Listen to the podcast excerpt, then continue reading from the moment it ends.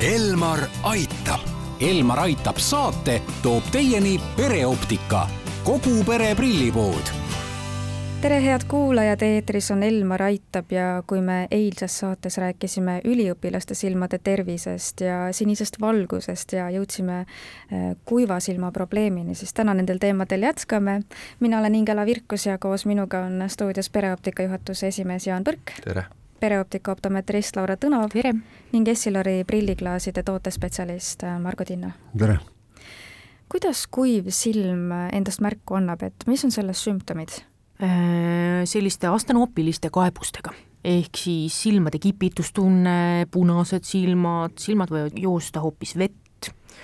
ka selline kohati udune nägemine, mis siis paraneb pilgutamisega mis hetkel sellest siis päriselt juba probleem saab, et tuleks siis kas optometristi või silmaarsti juurde minna? Äh, no ikkagi siis, kui ta nii-öelda siis äh, seda igapäevast elu segama hakkab. kelle juurde siis kõige targem oleks pöörduda, et kas äh, silmaarsti, võib-olla perearsti hoopiski, optometristi? sellise kerge kuiva silma puhul tegelikult võib ka pöörduda meie optometristide poole või ka kuiva silma keskusesse, kus siis meil tegutsevad samamoodi optometristid kui nüüd on tegemist sellise reaalselt suure põletikulise protsessiga või väga kuiva silmaga, siis pigem on soovitatav pöörduda silmaarsti juurde. küll aga samamoodi silmaarst võib näiteks soovitada valgusteraapiat, mida pakub äh, meie kuiva silma keskus. meie kuiva silma keskuses tegelikult äh, toimub ka äh, valgusteraapia, valgusravi ja hästi on mõjunud kuiva silma hoomega kapslid, et see on Soome toode ja me oleme selle tootega siin juba varsti viis aastat turul olnud ja väga palju inimesi on sellest abi saanud kuidas, te juba natuke jõudsite mainida nendest la-, neid lahendusi ja, ja ravivõimalusi siis, aga aga kuidas selle diagnoosini tavaliselt üldse jõutakse, et mis uuringuid või teste tehakse, et kui inimene tuleb teie juurde kaebusega näiteks, et natukene nagu selline kipitav tunne on silmades, teinekord on ju kuiv silm äh,, ei tähenda üldse seda, et silm ongi kuiv, vaid võib äh, õues hoopis liiga palju pisaraid tekkida,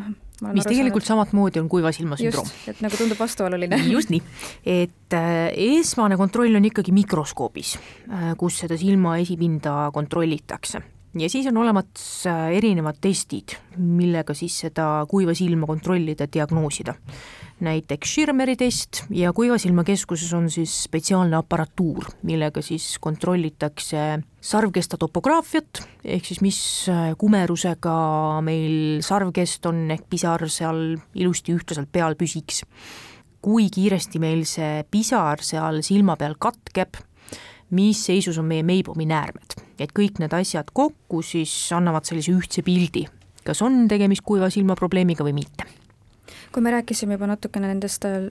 lahendustest, siis mis kuiva silma aitaks või kuiva silma probleemide korral aitaks, siis tegelikult on need ju kõik omavahel seotud, et kui me eelmises saates rääkisime ka äh, sinisest valgusest, ekraani taga töötamisest, et äh, mis seal nendes olukordades siis aitaks kuidagi silmi hoida või, või kaitsta?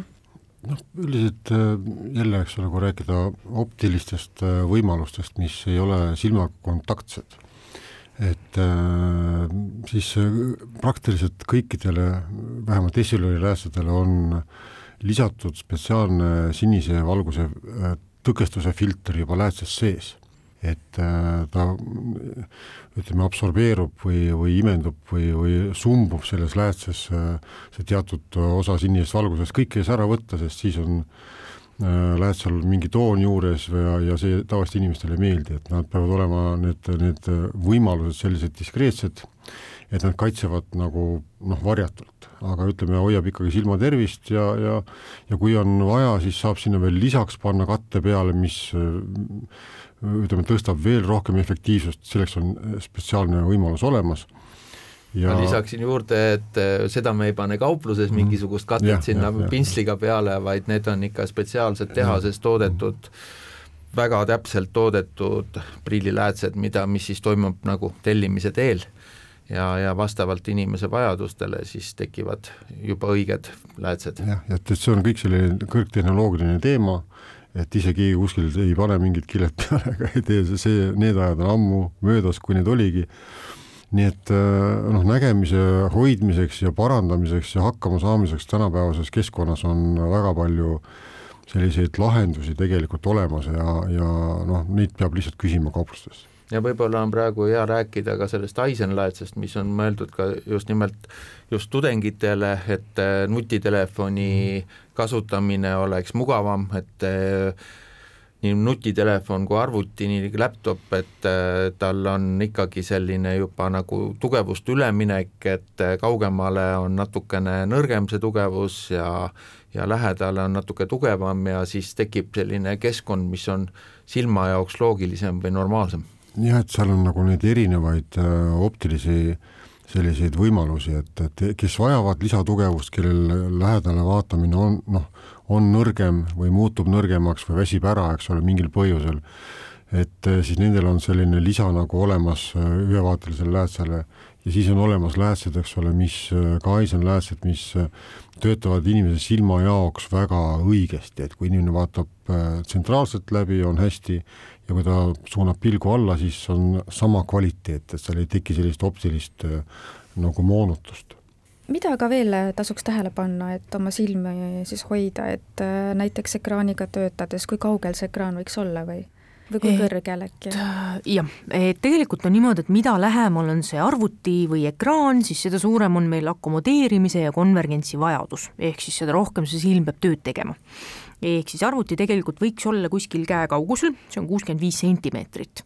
ja ta võiks ka asuda silmade kõrgusest umbes viisteist kraadi allpool, et siis pilk oleks suunatud äh, pigem allapoole. Noh, siin on nagu see aspekt, et, et kui inimene ikkagi töötab mingi seadmega, ja kui ta töötab ja tal on ebamugav tunne või mingisugused lihased väsivad ära või need võivad olla ka silmalihased, eks ole, rääkimata kaelalihastest või mingist muudest suurematest lihasgruppidest, et siis on midagi valesti, siis tuleb äh, seda korrigeerida. et nägemise juures on oluline see, et kui me teeme mingit äh, tegevust, ütleme arvutiga, et siis me oleme ergonoomiliselt, oleksime äh, niimoodi monitori ees, et, meil on mugav olla väga pikka aega ja ütleme, silmade peakalle, silmade nurk ja kõik see on hästi oluline selleks, et me oleksime võimelised äh, efektiivsemalt äh, mingit tegevust tegema. jah, ja nüüd äh, paari viimase aasta jooksul on prilliklaaside areng teinud ka väga suure hüppe, et see digitaalne töötlus, digitaalne maailm on andnud nii palju uusi võimalusi, loomulikult on need klaasid natukene kallimad,